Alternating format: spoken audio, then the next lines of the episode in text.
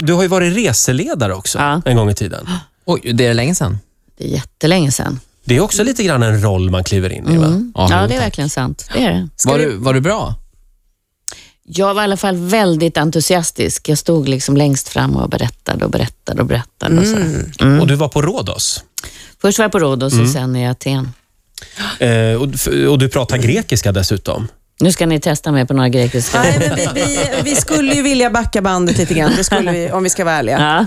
Ja, ska vi, vem ska... Ja, Ola. Vi, Ola. Vad Berätta, ska jag göra? vad är det vi ska göra? Nej, jag har skrivit en utsätta mig. text Ja. nämligen, för jag funderar, det här är ju länge sedan, men kanske sitter takterna i, så jag tänkte att du skulle få köra i lite grann s- det här, stå längst fram i bussen och ta Aha. oss med på en resa Mm. från flygplatsen på Rhodos till hotellet. Vad heter flygplatsen? Var landar man någonstans på Ja, då Rhodos? får du fråga reseledaren, inte mig. Rhodos, den heter nog Rhodos flygplats, tror jag. Mm. Rhodos flygplats. Jag har, jag har en text där. Och, eh, och då är våran uppgift då att vi är resenärer, så Jaha, vi vi ställer, sitter ju i bussen vi då. Mm. ställer ju jobbiga frågor. Okej, så Mm. att om, man, om man då tänker sig att nu sitter vi i en buss eh, på väg från flygplatsen Ja, där kommer bussen. och Malou står Hallå, längst, pratar i Malou den står här då. längst fram. Och då ska Malou, vad, vad ska hon göra Ola? Hon ska köra Hon, hon ska läsa texten där? läsa Ja, som reseledaren gör nu. okej. Ja, hej och välkomna till Rhodos. Ni kanske tror att ni är på Mallorca, men det här planet har nu landat på Rhodos. Och eh, jag som står här och talar heter Malou.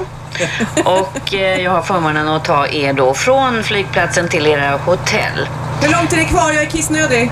Ja, nu får du hålla dig faktiskt för att det är långt kvar och eh, temperaturen är inte heller kanske vad ni hade tänkt er. Det är sju grader bara. Det är jättekallt. Ja, jag vet. Men eh, man kan göra så mycket annat och stanna hemma i sängen och ha det mysigt och sådär, så det kommer ordna sig. Kommer man kunna dricka vattnet? Nej, nej, nej, nej, ni kan inte dricka vattnet så ni får ta med er öl och vodka och allt annat sånt som går att dricka upp på rummet. Vad, vad är det för valuta här? Jag har ingen aning. Jag har inte växlat något. då.